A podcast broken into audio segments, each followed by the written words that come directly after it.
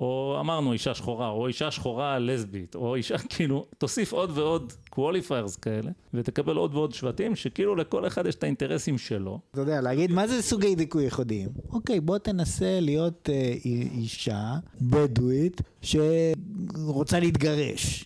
אפשר לא לנסות את זה?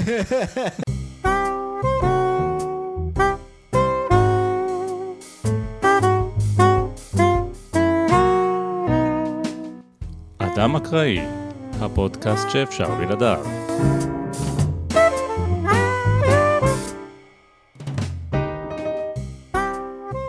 שלום, ברוכים הבאים לתוכנית השלישית בסדרה שעוסקת במלחמות התרבות באמריקה.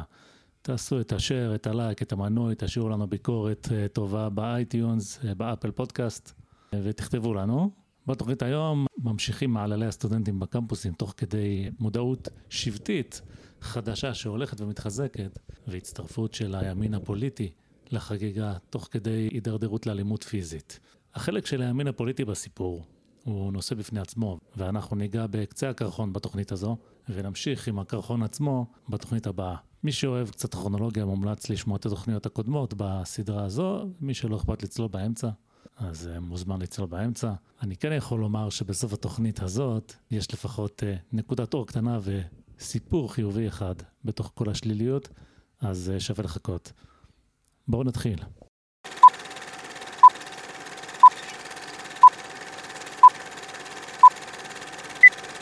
אגב, אתה קודם אמרת כשדיברנו שאני אמרתי, מבקשים, ביקשו כל מיני דרישות, ובין היתר פטור ממבחנים ועבודות וזה. זוכר את זה? ודאי. אז אתה אמרת, אני לא מבין למה בכלל אה, לא מבקשים לבטל את המבחן. אז הזכרתי ש... שכן מבקשים לבטל את המבחן. כאילו, כן, אתה צודק לגמרי, לא בדיוק באירוע הזה, אבל ממש לאחרונה, ככה, קפיצה רגע לעתיד, יש איזה רשת, אה, לא יודע אם זה רשת, יש מספר בתי ספר שהם כאילו בתי ספר התיכון העילית של אה, ניו יורק. אה, יש איזה משהו? בברונקס, ויש סטוי וסנט, ויש כל מיני. מה זה? מה שמו, אתה זוכר? אני זוכר סטוי וסנט, ספציפית. אוקיי. נגיד תומאס סואל למד בסטוי וסנט, שהוא היה בתיכון, אוקיי? אז הוא אוליגרך. כן. אז עכשיו איך אתה מתקבל לבתי ספר האלה? יש מבחן קבלה. זה מה שיש כאילו. וכל אחד יכול לגשת למבחן, ואם אתה מתקבל אז התקבלת. אז זה לא כל כך עניין של כאילו מעמד כלכלי, תשלם מלא מלא כסף, זה עניין של תעבור את המבחן. ועכשיו, אה, בזמן האחרון באמת נשמעות קריאות לבטל את המבחן, כי חצי מהבית ספר אסיאתים, ועוד איזה כמה לבנים, ושחורים יש מעט מאוד. אז זה לא בסדר, ולכן אה, הגיעו למסקנה שבאמת צריך לבטל את המבחן, אז כיוונת לדעת גדולים, וכל הכבוד לך. אתה... כשאתה תהיה במעגל זעם, אתה תדע מה לדרוש. זה, אבל. ברור שצריך לבטל את. אני לא מבין- אני לא מבין מה השאלה פה בכלל. אני אגיד לך, נו, זה עניין שהוא מאוד בעייתי היום ב- ב- בארצות הנכר. כן, לא יודע אם סיפרתי לך, אבל אה, יצא לי לחיות קצת בקנדה. כן, נו, יפה, אז אנחנו עשינו בחברה שלנו שת"פ עם איזה חברה חיצונית. חברת מה שנקרא הייטק.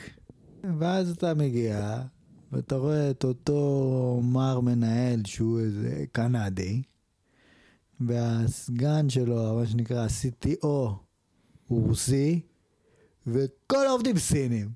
וככה זה נראה בהרבה מאוד מקומות. זאת אומרת, אה, ההנהלה כאילו זה הגוורדיה הישנה, וכל העובדים החדשים, סינים, וייקח לא הרבה זמן והם גם יהיו ההנהלה החדשה, כאילו. אוקיי. זה לא ייקח המון זמן. טוב, טוב, בוא נמשיך. כן, בכל בוא מקרה. היי, אז אסיאתים, אז איך תנצח אותם? תבטל את המבחנים, זה הדרך היחידה לנצח אותם. כן, וזה באמת מה שהולכים לעשות כנראה. אה, טוב, יפה. אז מה בעצם קרה לגברת אה, ספלמן ובני הזוג אה, קריסטקיס? אז יש, אוקיי, יש את העניין הקונקרטי, אה, בסדר, אמרו איזה מילה לא נכונה, ואיתרע מזלם להיות הקורבן של איזה מעגל זעם כזה. אבל אם אתה רוצה ככה לנתח טיפה את התבנית, או בוא נגיד איך שהם מציעים בספר של הייט ולוקיאנוף, אז הם מזהים תבנית של פשוט מה שנקרא שבטיות, של אנחנו והם. זאת אומרת, נוצרה איזושהי מנטליות בארצות הברית בשנים האלה, בדור הזה, שמסתכל על העולם כבני אור ובני חושך. יש אותנו, הצעירים, המוסריים והטובים. אחת מהתלמידות שצעקה שם על אה, ניקולס קריסטקיס, נדמה לי שזה באירוע הזה, ואם לא, אז משהו אחר דומה, זה לא משנה. אני דורש שאתה, שאתה תפוטר, כן? זאת אומרת, באנגלית, I want your job.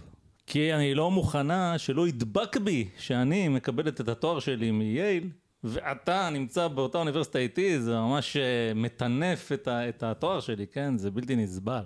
אז יש את העניין הזה שכאילו אנחנו הטובים, ומישהו לא מסכים איתנו, סימן שהוא לא אנחנו, ומי שהוא לא אנחנו זה הרעים. ולכן גם אין עניין של, אה, אין, אין איזשהו טעם בדיון או באיזשהו משא ומתן, שום דבר. זה אנחנו והם וזה מלחמה. זה מזכיר, גם הזכרתי קצת את הגישה של ג'ון מקורטר, שהוא מסתכל על זה כעל סוג של דת.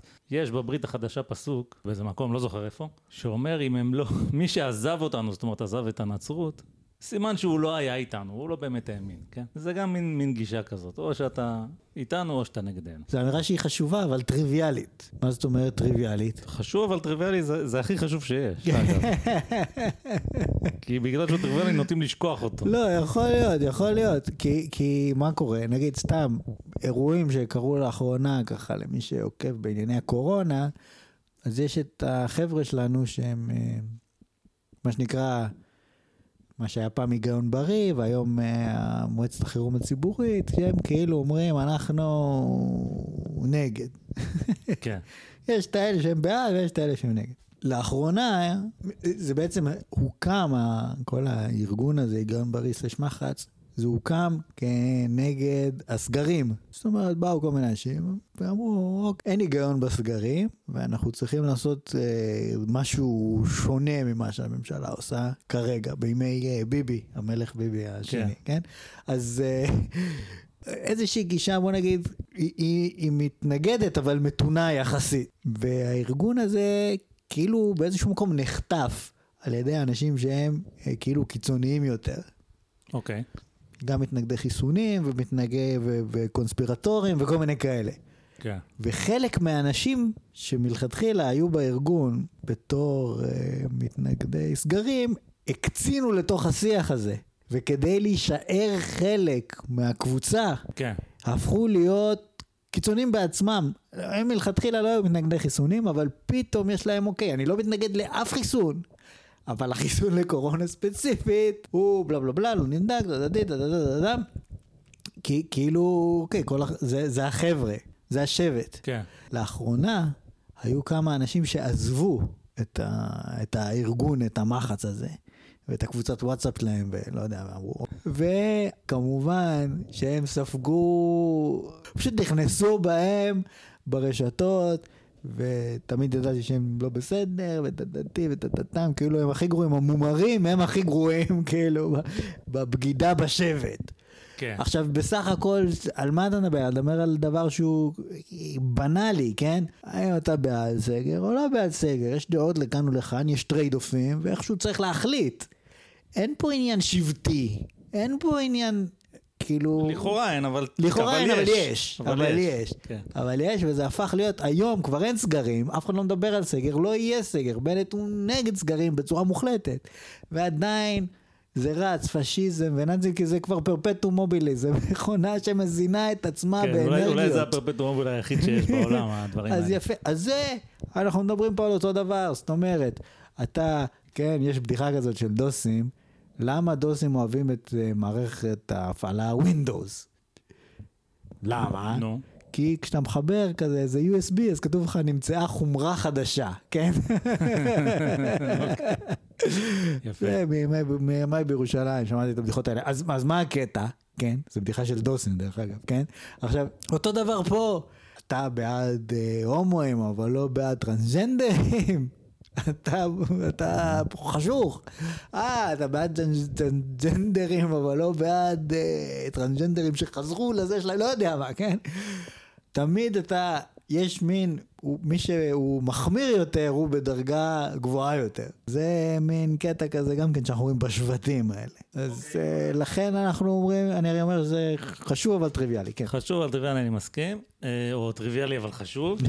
במקרה שלנו. נגיד לזה רק עוד מילה, אז נתת דוגמה באמת טובה מאוד של כאילו השבטיות הזאת אצלנו עם הקטע הזה של הקורונה, לא חסר שבטיות בישראל, כאילו, באופן כללי. וכל הנושא הזה באמת של, אתה יודע, בסוף גם ישראל וגם ארה"ב, זה דוגמאות למדינות שהן, יש להן מגוון אנושי די גדול. אז יש שבטיות. ובכל חברה כזאת יש לך איזשהו מין איזון עדין, אם אתה רוצה שהחברה בסוף תהיה חברה אחת ולא שבטים, בין באמת השבטיות שקיימת לבין החברה היותר גדולה שהיא רוצה לתפקד ושיהיה בעצם איזשהו שבט על כזה שמאגד את כולם. אז גם פה בישראל זה נושא כזה קשה. ואתה יודע, זה קשה למצוא את הנקודה הנכונה בין מצד אחד ברור שאתה רוצה את השבט, אתה רוצה את המדינה כאילו המאוחדת, מצד שני אנחנו יודעים ש... למחוק את הזהות השבטית של אנשים, זה גם אי אפשר לעשות את זה, וזה גם מוליד תוצאות לא כל כך טובות, אה, גם אם אתה ציני לחלוטין ולא אכפת לך. מה שאנחנו רואים בארצות הברית סביב הנושאים האלה של, אה, אמרנו, זה הולך על גזע, על מגדר, על מיניות, בגדול זה מה שיש כרגע. יכול להיות שזה יתרחב לעוד דברים. זה בעצם כבר התרחב, עכשיו, אתה יודע, אני נזכר שיש עוד דברים. יש אה, נכים ולא נכים. יש שמנים ורזים. יש כל מיני, כאילו יש עוד ועוד שבטים. והמערכות החינוך, דיברנו על התוכנית ללימודי מתמטיקה, שמה דגש כזה דרך עדשת יחסי הגזע, מסתכלת על מתמטיקה ומנסה לדחוף את זה לכל מקום, אז בעצם אנחנו רואים מגמה, אתה לוקח חברה שהיא גם ככה יש בה את השבטיות, כי יש שחורים לבנים, היספנים, הודים, סינים, יפנים, יש שם הכל. ומה המערכת החינוך שלך עושה? במקום לנסות לתת משקל נגד ולהגיד כולנו אמריקאים והנה זה שלנו ופה ושם, מערכת החינוך עצמה מגבירה את השבטיות. כי יש למשל את התוכנית הזאת שהזכרנו מתמטיקה, יש מקרים, זה מהשנה האחרונה, אני קצת קופץ קדימה לעתיד, שבאמת מפרידים את הילדים לפי גזע בכיתות לשיחות מסוימות. מה? כן, כן, כן, כן. מה? כן, כן. סליחה. תחתוך את זה בעריכה. אני אחדור את זה. אני בהלם. אתה לא ידעת את זה? לא היה לי שמץ של מושג, זה מופרע לגמרי. זה ב-2000 ו... אני חושב שזה התחיל ב-2021, אולי זה התחיל ב-2020, ש- שאני שמעתי על זה לראשונה. היה איזה מקרה באטלנטה. ש... מה זה היה איזה מקרה? זה היה משהו ב-Fox News, או שאתה יכול להגיד לא, לא, לי, אתה... הפלת אותי מהכיסא? כן. למה אני זוכר את זה? כן, כי קראתי את הדיווח ב-CNN. אה, אטלנטה זה גם עיר שאני חושב רוב האוכלוסייה הם שחורים. לא ברור לי בדיוק מה היה שם, אבל שורה תחתונה הופרדו ילדים לפי הגזע שלהם בכיתה לצורך דיון על הנושאים האלה, כי זה נראה להם הגיוני. שצריך להגיד משהו אחד ללבנים ומשהו אחר לשחורים, כאילו זה מה שהולך היום באמריקה, זה קשה להאמין, אני יודע, אבל זה, זה לא מקרה מבודד גם. יש כאילו, אתה תחפש, אתה תמצא, יש מקרים כאלה, ולא רק מדווחים ב-Fox News. אמ, האמת היא שאני חייב, חייב בשלב הזה לשתף משהו. כן.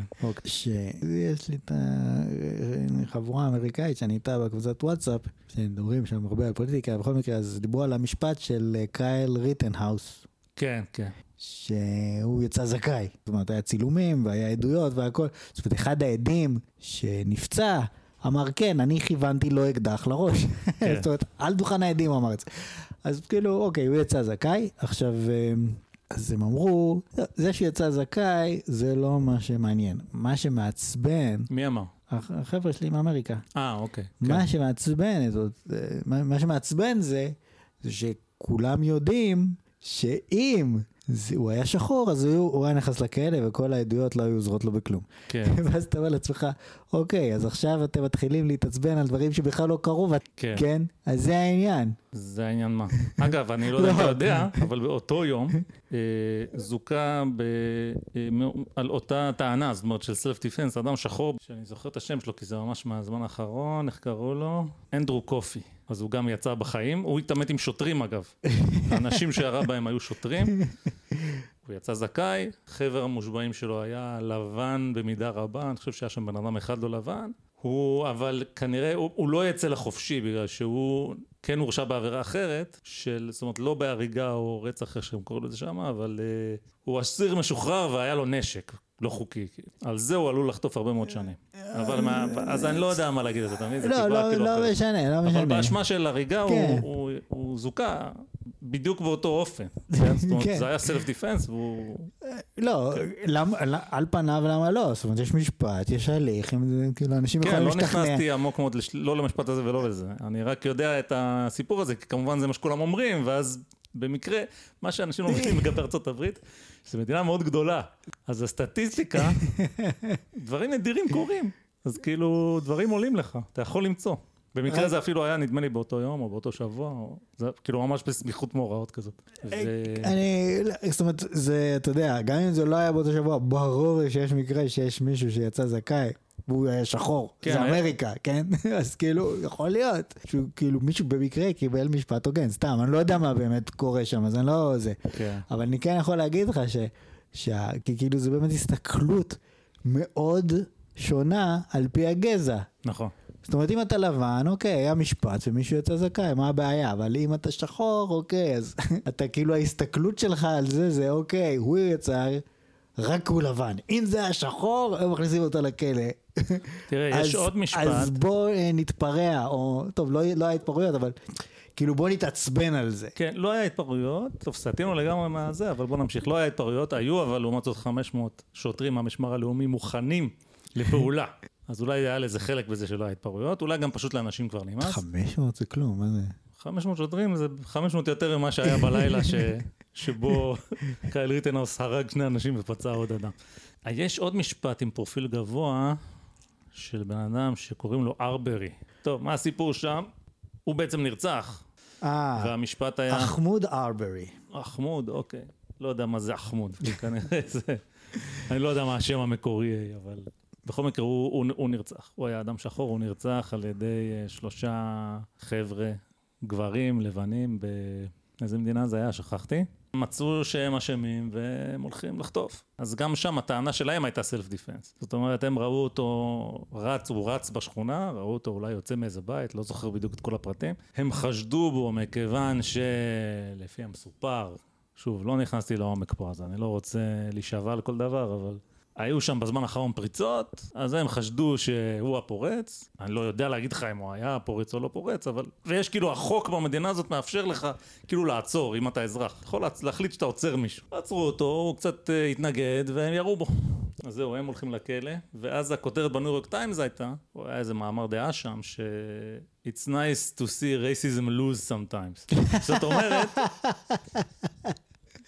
כן, זה לא משנה מה יקרה. כן, זה ממש הלך הרוח, זה מה כן. שרציתי להעביר. זאת אומרת, יש את הלבנים ויש את השחורים, וכל דבר שקורה, וכל הזמן זה הכל סביב המראה העסק הזה, הזה, כן. העסק הזה של הגזע. כן, אז אה, טוב, באמת זה מאוד כזה, יש כאילו פריזמה הזה, וזה מאוד מאוד אה, עניין של שבטיות, והשבטים הם לא לבנים ושחורים אגב, השבטים הם פוליטיים, כן, זה דמוקרטים ורפובליקנים, אנחנו נגיע לזה אחר כך. זה לא לבנים ושחורים, כי יש לך המון לבנים בצד כאילו של השחורים, ויש גם שחורים בצד, זה פחות... אה, אבל יש. אבל צובעים את זה בצבע הזה, כי זה, זה יותר טוב בשביל העיתונות כמובן. טוב, בסדר, ומה שהנקודה שרציתי להדגיש קודם, היום בארצות הברית, בעצם ב... מאז התקופה הזאת שאנחנו מדברים עליה, 2014, כנראה שזה התחיל אפילו לפני, והיום בוודאי ובוודאי, מערכות החינוך מעצימות את השבטיות. ולכן היא באמת מתעצמת, וזה רק נהיה יותר גרוע. זה בוודאי עכשיו בשפל הכי כאילו קשה שזה היה. אני לא יודע להגיד לך, יכול להיות שדברים ישתנו ושנה הבאה יהיה יותר טוב, אבל כרגע אנחנו נמצאים ב, בהחלט בנקודת שפל של היחסים בין הגזעים. אני לא יודע למה אתה מבסס את זה, על מה אתה מבסס, זאת אומרת, פעם? היה חוקי ג'ים קרו, כן, אז לא, אני מה זה מדבר על השנים. האחרונות, אני מקבל מה שאתה אומר. אני לא מדבר על אז, אני מדבר אוקיי. לצורך העניין ב-40 שנה האחרונות. סבבה. כן, פעם היה יותר גרוע, זה נכון. אמרנו, דיברנו על השבטיות, דיברנו על זה שהשבטיות מתחזקת עם הזמן, ובעצם, אתה יודע, השם השני של זה זה פוליטיקת זהויות, מה, שנקרא. זאת אומרת, הזהות, כאילו, השבטית שלך היא מאוד מאוד חשובה לפוליטיקה שלך. יש כל מיני דרכים לעשות פוליטיקת זהויות. אז יש באמת את ה... כאילו מודל הזה של כור היתוך, כן, כולנו שונים, אבל כולנו חלק מהסיפור הזה של ארה"ב, ונהיה ביחד וזה. הצד הרע של זה זה כמובן כור היתוך זה תשכחו משאתם ותתחילו להיות כמונו, שהיה את זה ויש את זה אולי עדיין גם בישראל, ויש את ה... הצד השני של זה הוא גם מציאת אויב משותף. זאת אומרת, יש הרבה שבטים, אבל אה, אולי יש שבט אחד שכל שאר השבטים יכולים ככה קצת לתקוף אותו, וזה במקרה שלנו אה, כמובן אנשים לבנים וספציפית גברים לבנים, בגלל, לא הזכרנו עדיין את ה... הזכרתי את השם הזה, אבל לא...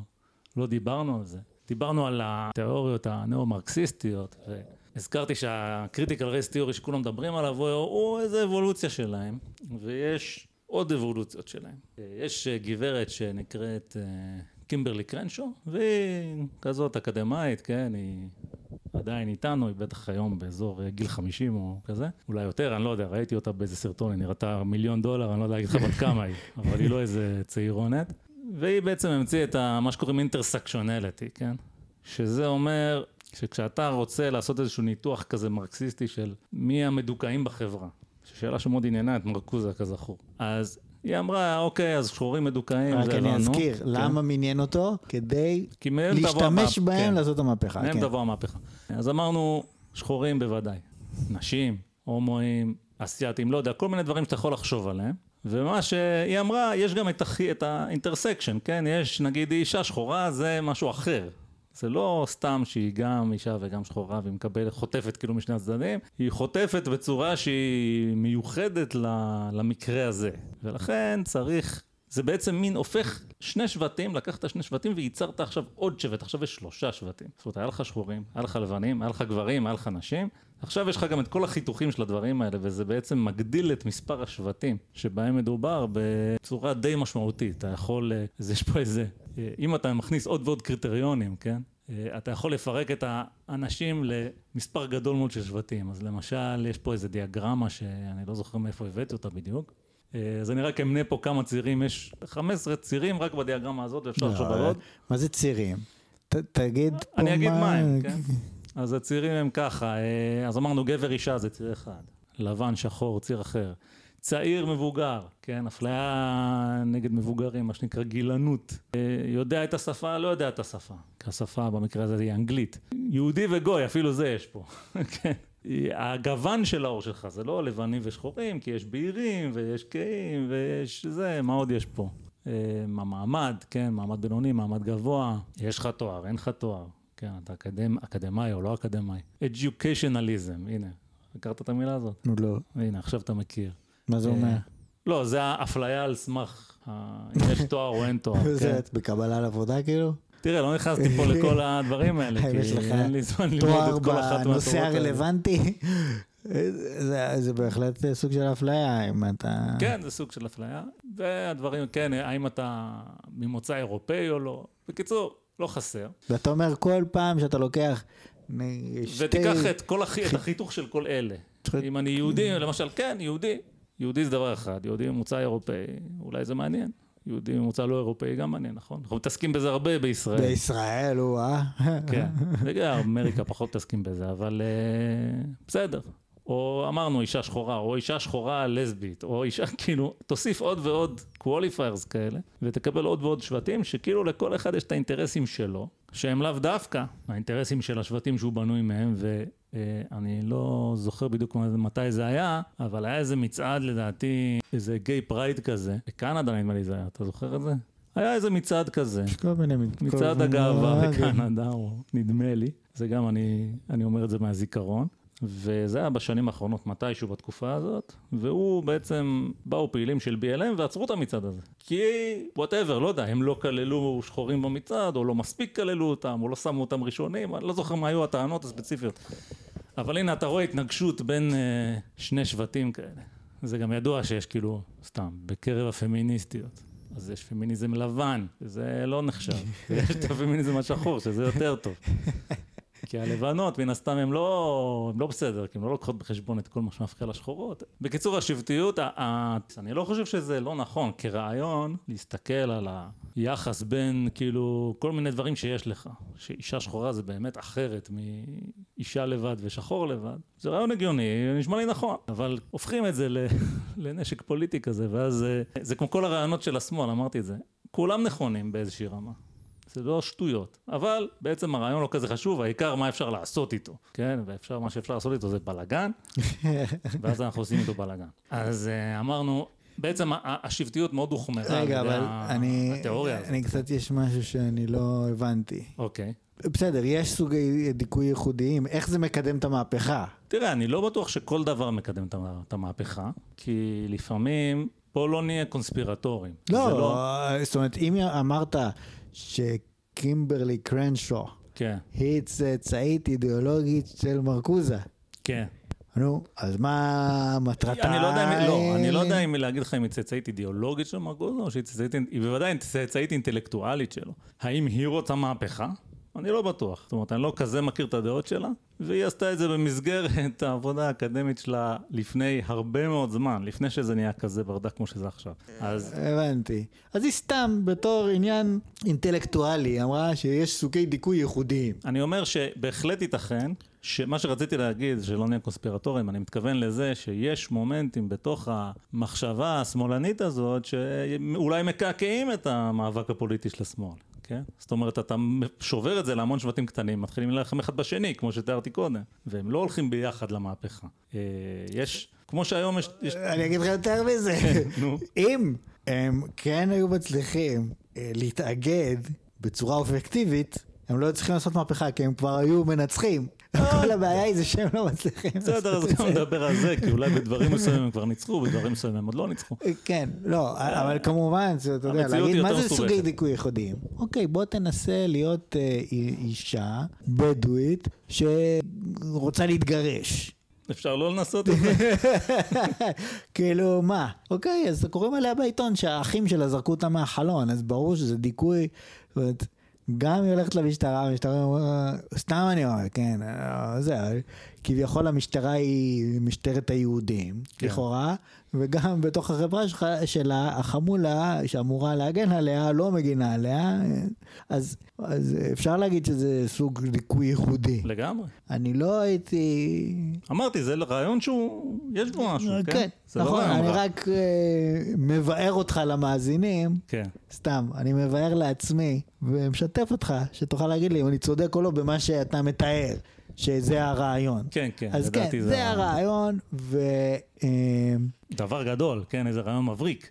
נכון, זה רעיון שהוא uh, גם טריוויאלי, ובמקרה כן. הזה אני אפילו לא יודע אם הוא כל כך חשוב. כאילו בסדר, יש סוגי דיכוי ייחודיים. אני גם לא יודע אם הוא כל כך חשוב, וזה so גם... what? זה עוד מאפיין אבל של... Uh, דיברתי איתך על, ה... על האקדמיזציה, על מאיפה הכוח של הרעיונות האלה מגיע. זה קצת מצחיק, אבל אמרנו, כל הפוסל במומו פוסל. והרבה מהכוח מגיע, אמרנו, מזה שזה אקדמיה וזה פרופסורים שאומרים את הדברים האלה. ולכן האנשים מקשיבים להם, כי הם בעצם נעזרים באותם מבנה כוח שרוצים כאילו למוטט, כן? האוניברסיטאות עם השם הגדול, הרווארד ופרינסטון וסטנפורד וכל המקומות האלה. כן, דרך אגב, כמו שאתה אומר, זה, זה גם, אתה רואה את אותו דבר בנושא של הקורונה. כן. זאת אומרת, מי מוביל את מחץ? אומרים, הנה, הבאנו את פרופסור זה ופרופסור זה, כאילו, ותראו איך הם איך הם אה, אנשי האמת היחידים מתוך כל הממסד, ואתה יודע, בסוף הם גם הממסד, כן? לא, העניין הוא שהם היו חייבים להביא אותם. כי הם צריכים את הלגיטימציה שיש לממסד, כדי להילחם בממסד. וזה באמת, אה, כן, זה הנקודה הזאת של מרקוזה, שהוא מאוד צודק. ההבחנה הזאת של יחסי כוח היא באמת מאוד נכונה וחשובה. אה, מצד שני, בוא נגיד, טוב, נגיד את זה אחר כך. בוא, בוא נמשיך קצת עם, ה, עם הנושא הזה של, אוקיי, נמשיך עם הנושא. של השבטיות. אז כן יש אבל אויב משותף, אמרנו, אם אתה מסתכל על כל הקטגוריות האלה. דיברנו על התרגיל הזה, שקח צעד קדימה, קח צעד אחורה. וכשמסיימים את התרגיל, אז מקדימה יש לך אנשים לבנים, והגברים הכי מקדימה, ומאחורה יש את האנשים השחורים, וכל מיני אנשים אחרים הם איפשהו באמצע. אז uh, כמובן שמי שהכי קדימה זה האויב המשותף של כל מי שמאחוריו. אז כמו שאמרת, כשלפעמים הם לא מצליחים לשתף פעולה, אבל לפעמים כן. ואז באמת, uh, אפשר לומר שהגבר הלבן הוא... זה קצת מילת גנאי, ויש חוגים בארצות הברית ש... שאם אתה כזה, למשל לבן אדם שנראה כמוני, אז אתה צריך uh, להתנצל קצת לפני שאתה מתחיל לדבר, ואולי עדיף שלא תדבר בכלל. אז תכף נראה מקרה אחד כזה, גם מ-2015. דרך אגב, אני רק, אני... כן. זה, זה משהו שהוא מאוד uh, אנושי, הנושא הזה שקשה לאחד אנשים סביב אהבה. שזה כמו מרטין לוקטר קינג, שאומר אנחנו אחווה ושוויון וכולנו אמריקאים ובלה בלה בלה. כן. והרבה יותר קל זה שיש אויב משותף. כן. זאת אומרת, היום, כן, אני ראיתי לא מזמן איזה סטנדאפיסט, אה, דיברנו על זה נראה לי גם, לא משנה, בלבנון הם שונאים אותנו. שואלים להם למה, למה שונאים, למה אתם שונאים את היהודים? נגיד, אה, עד שלא יחזירו לנו את חוות שבא, אין מה לדבר. נסראללה אתמול עשה נאום. כן. והוא אמר, עד שלא יחזרו את חוות שבעה, את רג'ר, מתי פעם אחרונה היית ברג'ר? לא חוות שבעה, אתה יודע איפה זה? לא, סתם, אני יודע איפה זה רג'ר, כן. כן, אז, אה, כן, ולא יודע מה, איזה שדות גז, לא יודע, איפה שלא, אה, הסכם על איפה עובר הגבול הבינלאומי בדיוק. לא יהיה שלום. אז אתה אומר לך, זה? על זה אתה רב? כול, כולם, אה, אתה יודע, רעבים שם בקושי מתפקדים, אתה יכול לעשות שלום עם מדינה אה, מערבית מתקדמת, יביא לך גם שלום עם ארצות הברית. כאילו, מה, מה על השטות הזאת? על הפקקטה רג'ר? כאילו, מה, מה זה? אבל זה, כן, זה לא העניין, ברור שזה לא העניין. העניין כן. הוא שהשנאה על ישראל מאחדת. כן. וגם אני לא יכול להגיע, אני גם בזעיר אנפין, גם עושה את זה. אני נפגש עם מישהו שאני לא מכיר. אה, בעל מקצוע שבא לתקן משהו בבית, לא יודע, אני ככה, רגע, או למשל, לא יודע מה, אנשים שאנחנו מראיינים בפודקאסט, סתם. אתה שואל את הבן אדם איזה קבוצת כדורגל הוא אוהד, או אתה מנסה להבין. אז הוא אומר לך, אני קבוצה, לא יודע מה, הפועל פתח תקווה. ואז אתה אומר לו, כן, הפועל פתח תקווה וזה. עכשיו, אני לא כזה מתעניין בכדורגל, אבל אתה יודע מה אני שמתי לב? הכי גרועים זו הפועל תל אביב. זה עובד כל פעם. אה. אוטומטית הוא נדלק. כן, הם נבלות. אני אף פעם לא אומר, אני מת על הפועל פתח תקווה, זה מיותר. זה לא מעניין. כן, גם מה, מה, מה, תגיד, לשמוע... מה תגיד אחרי זה בינינו? אני מת על יופי, עכשיו אנחנו נהיה החברים הכי טובים. לא. הוא רוצה שתלכלך על מישהו אחר, וזה עובד כמו שעון כל פעם, אני מציע לנסות את זה בבית. כן, טוב, בסדר. הוא מתלהב, ומיד אתה אח שלו. וככה דברים עובדים. כן. וזהו. טוב, זה ידוע שבאמת אין כמו אה, רכילות, והשלב הבא זה שנאה, זה סוג של שנאה משותפת. אה, טוב, יפה, אז אה, בואו נמשיך קצת עם 2015, מה, מה קורה שם באוניברסיטאות. אז אנחנו חוזרים לאוניברסיטת בראון. אוניברסיטת בראון, זה, אמרנו, זה Ivy League, זה אחת מהאוניברסיטאות האלה הכי יוקרתיות שיש, ב-Rhode Island, וב-2015 אני לא זוכר בעקבות איזה אירוע בדיוק, סטודנטים התפרצו למשרד של אה, שני האנשים הכי בכירים באוניברסיטה, אה, שזה נשיאת האוניברסיטה וה provost. מה זה provost? אל תשאל אותי, זה איזה סוג של סגן, כן? לא, לא הצלחתי להבין מה פשר התואר הזה. יש להם את המילה הזאת provost, אף פעם לא שמעתי אותה קודם. עכשיו, אה, היא אישה והוא גבר, שניהם לבנים. אז הוא, הסטודנטים כמובן, כמו במקרה של אוניברסיטת יל, הציגו דרישות. הייתה להם רשימה ארוכה של דרישות, בין היתר לא פחות מ-100 מיליון דולר לתוכניות של ethnic studies ולימודים אפריקניים. הם טרחו גם לחלק את זה שווה בשווה, שלא יהיה מישהו יותר ומישהו פחות חלילה, אז 50 מיליון דולר לכל אחת מהתוכניות האלה. לפרוק מנשק את כוח האבטחה של הקמפוס, כן, גם זה איזושהי הקדמה של מה שראינו בשנה האחרונה, ולקבל מידע דמוגרפי על השוטרים המהווים את הכוח. זאת אומרת, אם יש לי איזה כוח אבטחה, אני רוצה לדעת אם הם לבנים או מה הם. רוצה לדעת מה הסיפור, כי זה מאוד מאוד חשוב. ועוד דרישה קצת יוצאת דופן שלא נתקלתי בה במקומות אחרים, שתוכניות הלימודים במה שנקרא STEM, מי שלא מכיר STEM זה מדע והנדסה כן. ומתמטיקה, מה כן. שנקרא... כל הדברים הרציניים, בקיצור. כן, מה שנקרא, אה, נו, בווידויים, ב-confessions, טאו confessions, מקצוע נחשב. מקצוע נחשב, כן, תואר נחשב. תואר נחשב, כן. אז אצלנו יותר ככה down to earth, תואר נחשב, אצלם זה סטם.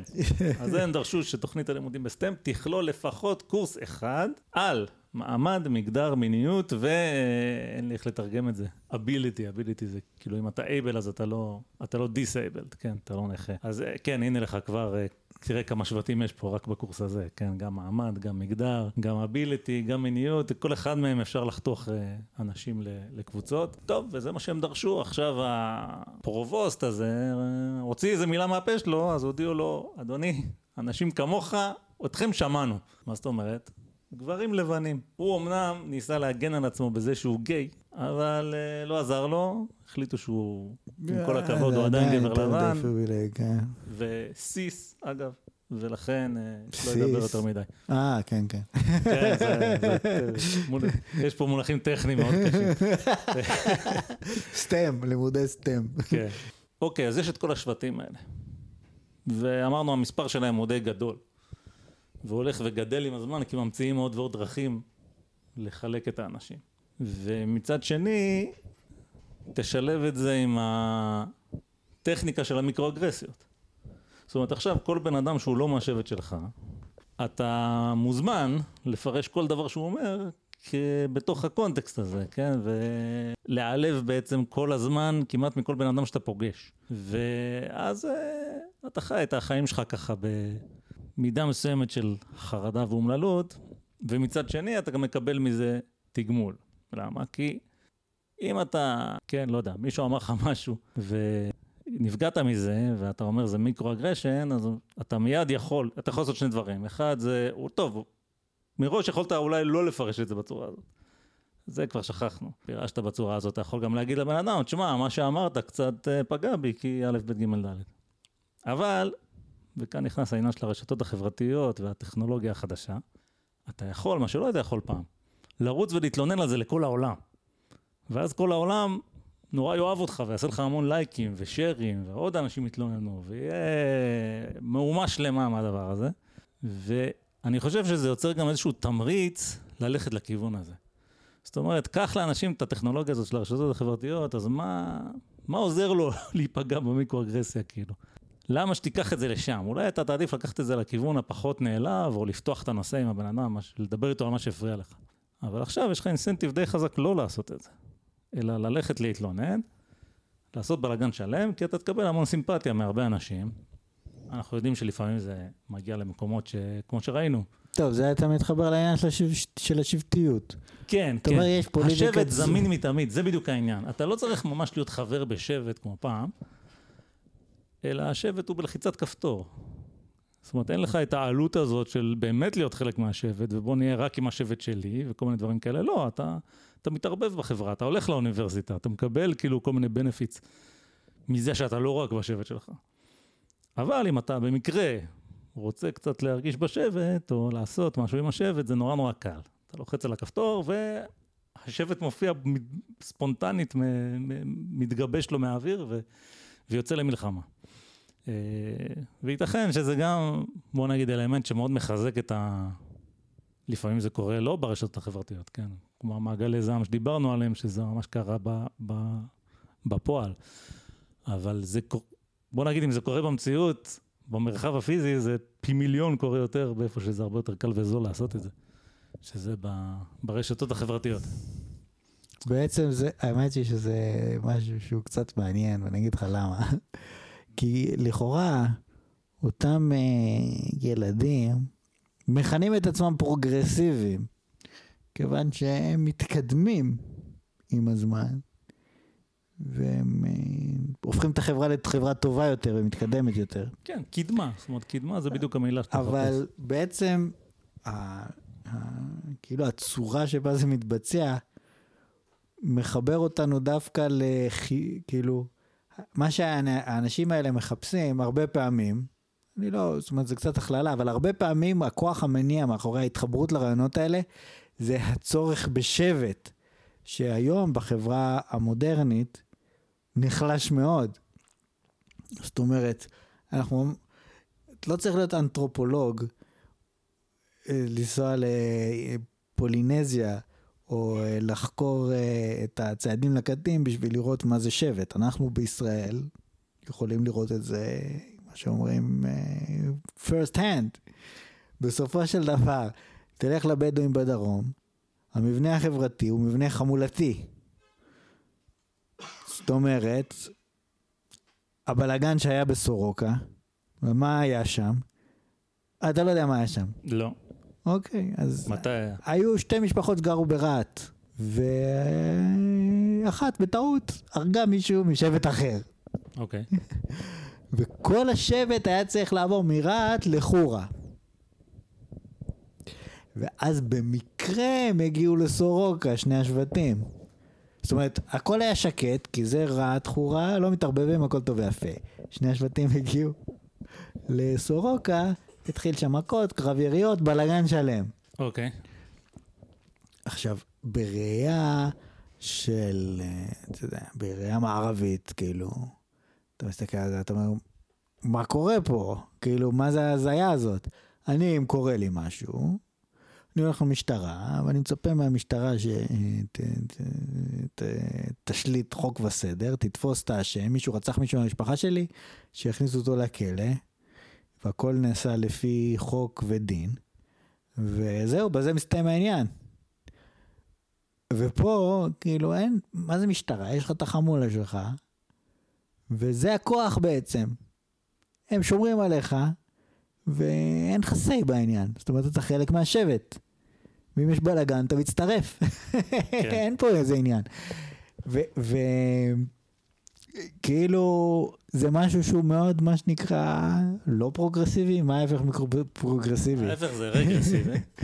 כאילו... אבל אפשר גם להגיד פרימיטיבי, כן? פרימיטיבי, כאילו, שבטיות, כאילו בעולם המודרני אין דבר כזה, יש משטרה שהיא היחידה שיכולה, רק למדינה מותר להפעיל אלימות, ואתה צריך לסמוך עליה, וזה נגמר העניין, המבנה הוא לא שבטי, כל אחד גר בבית שלו. ואתה יודע, לא מדברים עם ההורים, ולא מדברים עם האחים, ואתה בטח לא, אתה יודע, אם הילד של אח שלך חטף מכות בבית ספר, אתה לא הולך ורוצח את האבא של הילד, כן? כל מיני דברים כאלה, זה לא קורה. כן. ו... למרות שכשהיינו ילדים בגן, זה מה שהיינו מאיימים. נכון, אבא שלי יבוא. נכון, בדיוק. אז זה בא לך מאוד מאוד טבעי לאיים, אני לא יודע ממי למדנו את האיום הזה. אז זה בא לך מאוד טבעי, אבל אה, כן. עכשיו, אגב... אבל הנה, אבל הנה, פה, כן, כל הנושא הזה של השבטים הוא נורא נורא נורא חשוב. קודם כל, מבחינת שיח הזהויות, לאיזה שבט אתה שייך? They are my people, נכון? אני שייך ההומואים, הלסבים, היהודים, השחורים, לא יודע, כן? אתה... לא ידעתי את זה.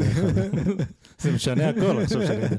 כאילו, יש לך שבט, תחשוב איזה כיף שיש לך פתאום שבט, כאילו. זה קצת קשה להסביר אה, מה זה שבט לאנשים שהם לא חלק מזה, אבל... אה, כן ולא, אני חושב שכן, ארצות הברית באופן ספציפי, היא באמת מדינה, גם ישראל, גם מדינות אחרות, אוקיי, שהן כאילו יותר מודרניות, בסדר? נגיד ישראל, טוב. אז קודם כל בישראל יש שבטיות מאוד חזקה, הזכרת את הבדואים, דיברנו על זה כבר, יש את החרדים והערבים והסרוגים והחילונים, זה גם סוג של, וגם מדינת ישראל עצמה היא כאילו מדינת היהודים. מה יותר שבטי מזה? אז נכון שיש כאילו תת חלוקות. כן, טוב, אבל אי אפשר להבדיל, אי אפשר להבדיל החרדים, כן? שאם אתה, אתה כאילו לא, בחסידות גור. דרגה, אני מסכים שזה דרגה אחרת של שבטיות, בסדר? זאת אומרת, אה, ישראל שאני ואתה, שנינו ישראלים, ו... אוקיי, אז אנחנו איפשהו במדרג הזה בין מדינה שהיא באמת איזשהו מבנה פורמלי של איזו אמנה חברתית, כן, סטייל... ז'אן ז'אק רוסו. אנחנו איפשהו באמצע, אז אנחנו לא ממש בשבטיות, ה... אנחנו לא כמו הבדואים, ואנחנו גם לא בדיוק, כאילו האידיאל הזה של המדינה שהיא לגמרי פורמלית, אני לא יודע אם הוא קיים בעולם. אני כן חושב אבל, שהמדינה היחידה בעולם שאני מכיר, שבאמת מנסה להשיג אותו, זה ארצות הברית. זאת אומרת, שאר המדינות שהן גם כאילו יותר מתקדמות, עדיין, מה יש לך? גרמניה, צרפת זה כן זהויות אתניות בסופו של דבר, וזה כן בא לידי ביטוי שזה הזהויות האתניות האלה, ויש שם בעיות עם זה, כי יש מהגרים שהם לא משתלבים נניח, ואתה פשוט לא הופך להיות גרמני, זאת אומרת אם אתה טורקי, כן, שמהגר לגרמניה, אתה לא הופך להיות גרמני, לא משנה, אתה לא גרמני. אתה כן יכול, אני חושב, או בוא נגיד יותר סביר לטעון, שהאדם הטורקי הזה יכול להפוך להיות אמריקאי.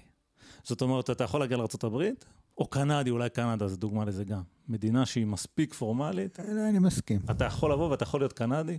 אני מסכים. ואתה יכול להיות אמריקאי, ואני לא, ומבחינתי קנדה פה זה איזשהו ספיח של ארצות הברית בנושא הזה, כי היא מושפעת מאוד, ואני לא חושב שיש עוד מדינה שבאמת ניסתה להשיג את זה.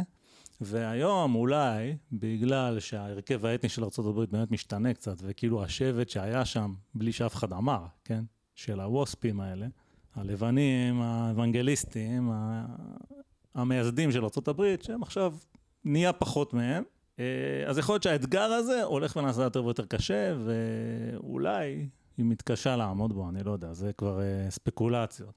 אבל זה כן אתגר מאוד משמעותי, כי בכל ההיסטוריה של האנושות, אני לא חושב שיש עוד מקום שבאמת אה, ניסה ברצינות לעשות את זה. ו... ובאמריקה הם, הם, אתה יכול להגיד עליהם הרבה דברים, אבל הם כן מנסים את זה ברצינות, אני, לדעתי לפחות. אמ, עכשיו, יש עוד איזה עניין שהם מעלים שם, אה, כן, הייט ולוקיאנוב, בנושא הזה של שבטיות. אז מה שהם מציינים זה שיש את העניין הזה, זה גם מילה שחוזרת הרבה בכל מיני הקשרים, וכל פעם ששומעים אותה צריך להיזהר, שזו המילה שנקראת סולידריות. סולידריות זה באמת מה שהשבט צריך, אבל מתי הוא צריך את זה? כשבעצם כשקבוצה רוצה לפעול. שבט זה סוג של קבוצה. אז צריך סולידריות, שכולנו ביחד פה בתוך הדבר הזה. עכשיו, מתי הדבר הזה הוא מאוד מאוד חשוב? מלחמה, כן? כשיש מלחמה, אז עכשיו אנחנו בעצם שמים בצד את כל הבעיות שיש לנו אחד עם השני, ואנחנו יוצאים למלחמה, וזה סוג של מה שקורה כאן. גם קוראים לזה הרבה פעמים בארצות הברית, מלחמות התרבות. זאת אומרת, לא הורגים אחד את השני. אה, גם אין איזה משטר מדכא כזה, לא יודע, כאילו זה מדינה חופשית עדיין. אבל כן יש איזה סוג של מנטליות של מלחמה. אה, נדבר על זה גם כשנגיע לכיתוב הפוליטי המחמיר והולך בארצות הברית, שבאמת הצד השני, אתה כאילו, אתה לא רוצה לדבר איתו. אמרנו, זה בני אור ובני החושך, זה, זה שבטיות שהיא כבר הגיעה לדרגה די קיצונית. זה ידוע, אגב, שסביב, ספציפית, נגיד טראמפ, אנשים שתמכו בטראמפ, איבדו חברים ואיבדו קרובי משפחה, או להפך, אנשים שלא תמכו בו, איבדו חברים ואיבדו קרובי משפחה, כי זה, הוא, הוא מאוד מאוד פילג את, ה, את החברה האמריקאית, כאילו סביב, סביב האישיות שלו. אבל בסוף השבטיות הייתה שם גם קודם, כן? זה לא רק הוא, הוא מין קטליזטור כזה שהחמיר והחריף דברים. ואנשים, מה שזה גורם, עוד מאפיין ש, שהם מעלים זה העניין הזה של ציד מכשפות. זאת אומרת, יש התנהגות אנושית ידועה שנקראת ציד מכשפות. ובעצם מה שקרה לכל האנשים האלה שדיברנו עליהם עד עכשיו, נופל תחת הכותרת הזאת של ציד מכשפות. מה זה ציד מכשפות? זה משהו שקורה out of the blue. זאת אומרת, הגברת הזאת, לא יודע, קריסטקיס, היא כתבה מכתב, הכל היה בסדר, ולמחרת היום היא, כן, מוקפת באנשים שצועקים עליה, זה לא היא, זה בעלה, לא משנה. ובעצם נגמר הסיפור והם צריכים לעזוב את האוניברסיטה, כן? זה מה שקורה, זה מה שקרה לספלמן, זה מה שקרה להרבה אנשים ש... שאנחנו נדבר עליהם פה. אז זה קורה מאוד מאוד מהר. שתיים, זה עניין של באמת איזושהי סולידריות. יש איזו קהילה שמרגישה מאוימת, יש מישהו שפועל נגד הקהילה, וצריך להקיא אותו מתוכנו. וזה אגב גם מאפיין, אמרנו כיתוב פוליטי וזה, אבל אתה תראה, גם בדוגמאות שהיו ודוגמאות שאני עוד אביא אחר כך, שכולם שמאלנים שם. זאת אומרת, זה לא הימין והשמאל נלחמים פה, זה השמאל נלחם עם עצמו. האוניברסיטאות בארצות הברית הן בגדול מעוז של השמאל. וכל הסטודנטים האלה שבאים וצועקים, הם מהשמאל. והאנשים שהם צועקים עליהם הם מהשמאל. הם אקדמאים, אמריקאים באוניברסיטאות יוקרתיות, הם בשר מבשרו של השמאל. ולמה? בגלל הסולידריות הזאת.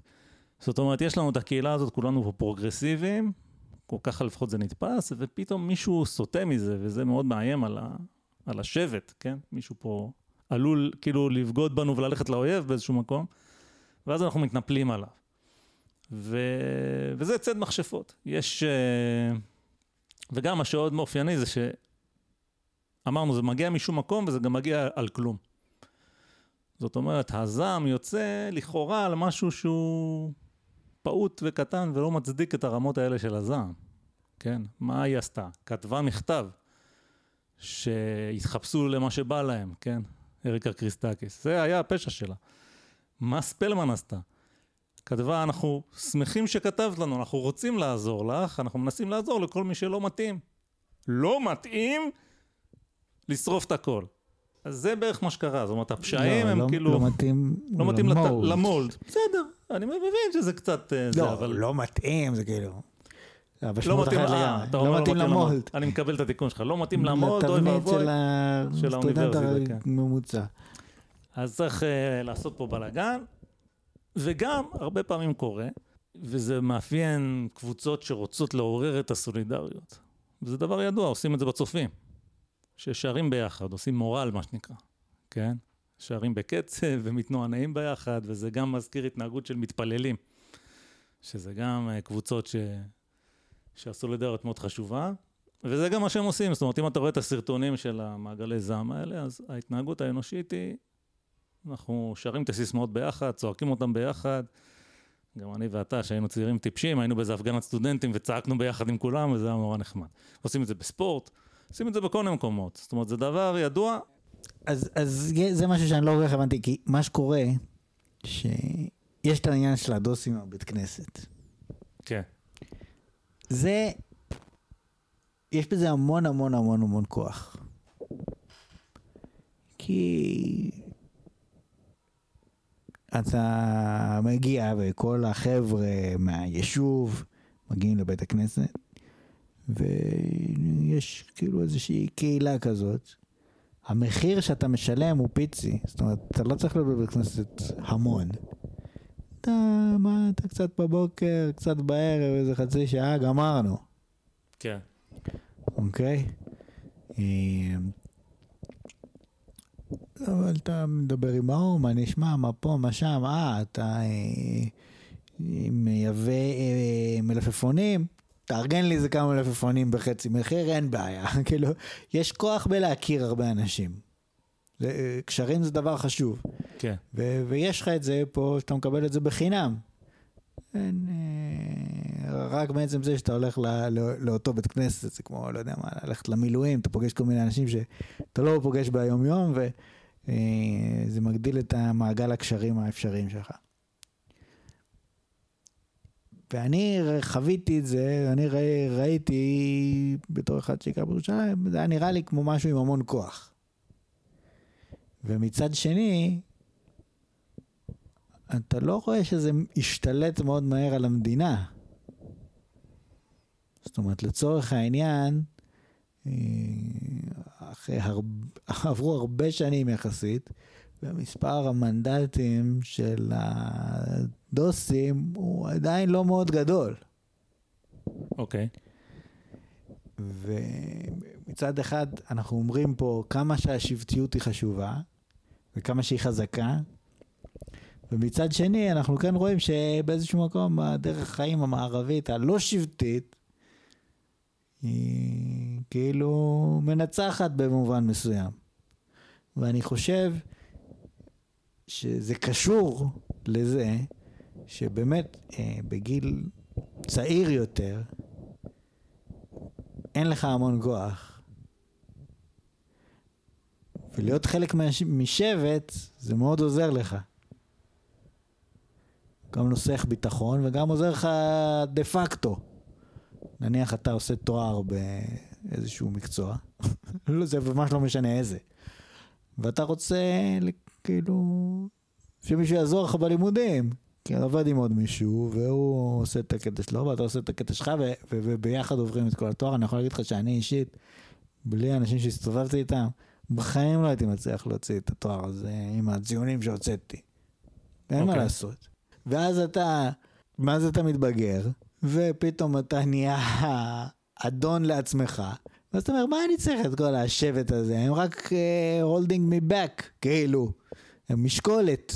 אני כבר מסתדר לבד, כן? עם, עם כל זה שאנחנו מדברים על השבטיות והפוליטיקת זהויות, בואו לא נשכח ש, שגם לגישה האחרת לחיים יש המון כוח. לא, זה, אני מסכים, כאילו אתה קשרת את זה, אתה יודע, לגיל ולעצמאות כלכלית נגיד, אולי, או משהו כזה. טוב, זו שאלה סופר מסובכת, ואתה יודע, אפשר לעשות דוקטורט על אה, לנסות להבין מה ה trade-off כן, בין להיות חלק משבט לבין... שבכלל, אתה יודע, יש את החברה המערבית מסביב שמאפשרת לך להיות עצמאי כלכלית. ברור לך שבימי הביניים, מה זה, אין דבר כזה עצמאות כלכלית. אתה חייב להיות חלק מהשבט כדי בכלל לשרוד. אז כן יכול להיות ש... כן, שהשבט זה משהו יותר פרימיטיבי, יותר טבעי, ו... אבל אולי הכוח שלו מוגבל. זאת אומרת, יש גבול לכמה שבט יכול לגדול לפני שהוא מפסיק להיות שבטי. נגיד עוד דוגמה לזה, זה נניח הקיבוצים בישראל שהם, אוקיי, כאילו הם היו קומוניסטים והם לא השמידו את עצמם לחלוטין ואף אחד לא מת ברעב שם. מצד שני הם היו קטנים. ואנחנו כן יודעים שניסיונות קומוניסטים אחרים, כאילו שהיו גדולים, אז אה, שם זה אנשים, זה בכלל לא עבד, כאילו, ממש לא עבד, הכל התמוטט, אנשים לא היה להם לאכול. בוא, אתה מכיר, אה, כולם מכירים את השיר, כן? הוא עוד ישוב, כן? לא, זה לא שרד. שהוא כאילו, אוקיי, אני הולך לעיר הגדולה, ואז חוזר עם אוקיי. המכונית וה, והאישה השחקנית שלו, שבכל הקיבוץ מביט בו בעיניים כלות, הוא כבר לא צריך את השבט. הוא, הוא לא צריך, הם רק uh, אני מקבל, מה שאני עליו. אומר זה שהשבט יש לו כנראה, התיאוריה שאני מציע לך פה על רגל אחת, אתה יודע, זה כמו, ב, כמו בפיזיקה, כאילו, יש scaling, כן? מתי, יש דברים ש-do not scale. זאת אומרת, השבט יכול להיות ש... אוקיי, it doesn't scale, זה מגיע לאן זה מגיע וזה מה שיש לך. לפעמים אפשר, אתה יודע, כשמצליחים, כן, לעורר איזה מין אמרתי, כמו מדינת לאום. מדינת לאום זה מין שבט שהוא גדול מאוד, ויש משהו. זאת אומרת, עדיין יש איזו נאמנות ל, ללאום הזה, או לדגל, או למלך, או למשהו, כן? אז כאילו, יש איזה מין שבט, שבט 2.0 כזה, ש, שזה כן דבר שראינו בעולם שעובד. אתה לא יכול להגיד ש... לא יכול להתכחש לזה, אבל בסדר, עברנו ככה נושא ושכחנו מהאמריקאים. אה, אני גם לא, לא יודע על זה, כאילו, זה באמת סתם ככה דברים ב, בעלמא, אבל זה בעצם נכון לגבי כל דבר שאנחנו אומרים. אה, טוב, אז דיברנו על הציד מכשפות. אה, לא, אבל, אבל מה שאמרת בהקשר הזה זה חשוב מאוד. אוקיי, שמה? שהכל, זאת אומרת, רוב הבלאגן הזה שאנחנו רואים, הוא באמת נמצא בתוך מה שנקרא השמאל, ואתה פחות רואה התפרעויות של אה, סטודנטים שמאלנים שהולכים ל... אה, לא יודע, אה, לא, מעוז אה. של טראמפ ועושים שם בלאגן. אנחנו נראה גם את זה, עוד לא הגענו לזה פשוט. אה, עוד לא, אנחנו גם נראה. אנחנו נראה איך השמאל והימין נלחמים בתוך העניין הזה. כרגע אנחנו עדיין בתוך השמאל, וכן, מה שראינו עד עכשיו זה מאבקים של- הבנתי, שהם- אוקיי, שהם זה כן מעניין, אז בואו. נמשיך. כן, אז אה, אוקיי. בואו ניתן אבל טיפה אה, את הצבע הפוסט-מודרני לסיפור הזה. לא דיברנו על זה, אבל בעצם ה Twitter mobs האלה, כן? ניתן דוגמאות אחרי זה ל Twitter mobs. זה היה mobs במציאות, כן? באים אליך מאה אנשים, אוקיי. יורדים עליך בקמפוס, אבל יש איזה סיפור שמצאתי ככה בחפירות שלי, שקצת מדבר על איך המילים וה... ה- ה- אמרנו החשיבות של השפה והמשמעות של מילים, שכל הזמן זה הכל נהיה נורא נזיל. והיום אתה אומר משהו וזה סבבה, ומחר אתה אומר משהו, ומאה אנשים מקיפים אותך ו- ויורדים עליך כסח, כן? ונתקלתי באיזה מאמר של איזה סטודנטית, שבעצם אומרת שבעצם מה קורה לסטודנטים האלה? הם באים לקמפוס, הם מהר מאוד מזהים את השבטים. ואז הם חיים את חייהם בתוך הדבר הזה. אז אמרתי, אתה יכול אה, להתלונן לשבט על כל מיני מיקרואגרסיות, ואתה יכול גם לעשות טעויות, ולחטוף את הזעם של השבט. זאת אומרת, הצד מכשפות יכול להיות עליך. ומה שהסטודנטית הזאת מספרת באיזה מאמר במגזין שנקרא The Atlantic, כן, שהוא גם פרסום שמאלי, כן, שלא תטעה. אה, והיא מספרת שבעצם היא כל הזמן, חלק מהחיים ברשתות החברתיות, חלק מהמטרה זה להתעדכן בחוקים של מה מקובל חברתית. כי הזהויות והשבטים זזים כל הזמן. ומה שקרה לבחורה הזאת, היא תכננה לעשות עם החברות שלה מסיבת, אה, כן, מסיבת טקילה, אוקיי? אז הם בעצם, whatever, יקשטו את הבית בכל מיני סמלים מקסיקנים, וישימו סומבררוס, ויהיה, וישתו טקילה. אתה יודע, זה בדיוק מה ש... אתה יודע, הצעירים האמריקאים שמשתוללים קצת בקולג', איזה כיף. אבל, ברגע האחרון, היא קראה כתבה על איזה בדיוק דבר כזה שהיה בקמפוס אחר באמריקה, ושיצא הזעם. זאת אומרת, מה פתאום, אה, כן. ניכוס תרבותי, אה, אתם מעיזים אה, לצחוק על. הסומבררו שלנו, כן, וכל הדברים האלה, ובקיצור, היא הבינה שזה יהיה רעיון יותר טוב לא לעשות מסיבת טקילה. וזה האמת די, אתה יודע, נכנסנו ככה למיקרו של החיים, אבל אותי זה נגיד מרתק, כי זה משהו, אני בן אדם שגם ככה לא מודע למה שקורה סביבו, אבל אני חושב, איזה, זה, תחשוב מה זה להיות בן אדם צעיר כאילו בסביבה הזאת. זה מאוד מהר משתנה, אז אתה צריך לשים לב, כאילו, ואתה צריך, אה, צריך להיזהר מה שאתה עושה, כי מה שהיה סבבה אתמול הוא לא סבבה היום. לא, כל, כל הכתבה שלה בעצם זה מדובר על כמה זה בעצם מלחיץ להיות כאילו קולג' סטודנט היום. כן, זה מלחיץ. כי אתה יכול לעשות את הטעות הזאת מאוד בקלות. טעות, מאוד בקלות. לא התכוונת לכלום, כן, ואין, הורגים אותך. זאת אומרת, רק בוא, בוא נשים את זה ב, כאילו בקונטקסט.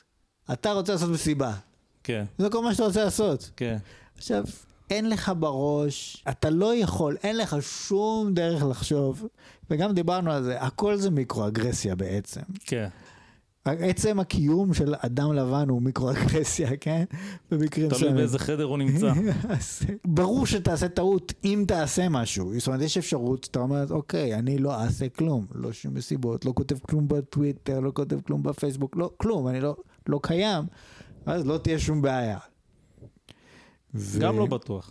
כי לפעמים גם השתיקה היא השתתפות בדיכוי. אה, כן, בסדר, ברור שאני משתתף בדיכוי, אבל לפחות לא יעשו לי שיימינג, כי אין את אין ההוק הזה להתאפס אין עליו. את הקצה חוט ל- למשוך, אוקיי. ומצד שני, אם תגיד משהו, אתה תטעה, אין מה לעשות.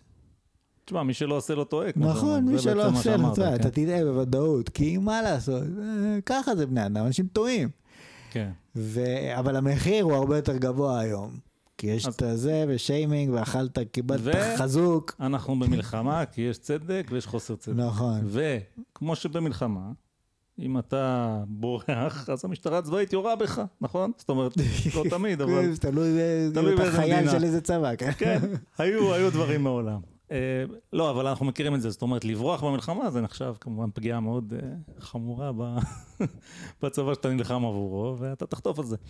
אולי לא יראו בך, אבל יעשו לך משהו. אה, טוב, בעצם, אתה יודע, קצת ככה קפצנו קדימה, אבל זה, אתה יודע, אנחנו מדברים על התרבות החרם בעצם, שפושה בכל מקום. אה, לפעמים מתרגמים את זה לעברית תרבות הביטול, כי אנחנו, שוב, חסרי יכולת לחשוב בצורה מקורית ואפילו לתרגם. אה, אז ה-cancel culture, אבל זה בעצם חרם. עושים עליך חרם.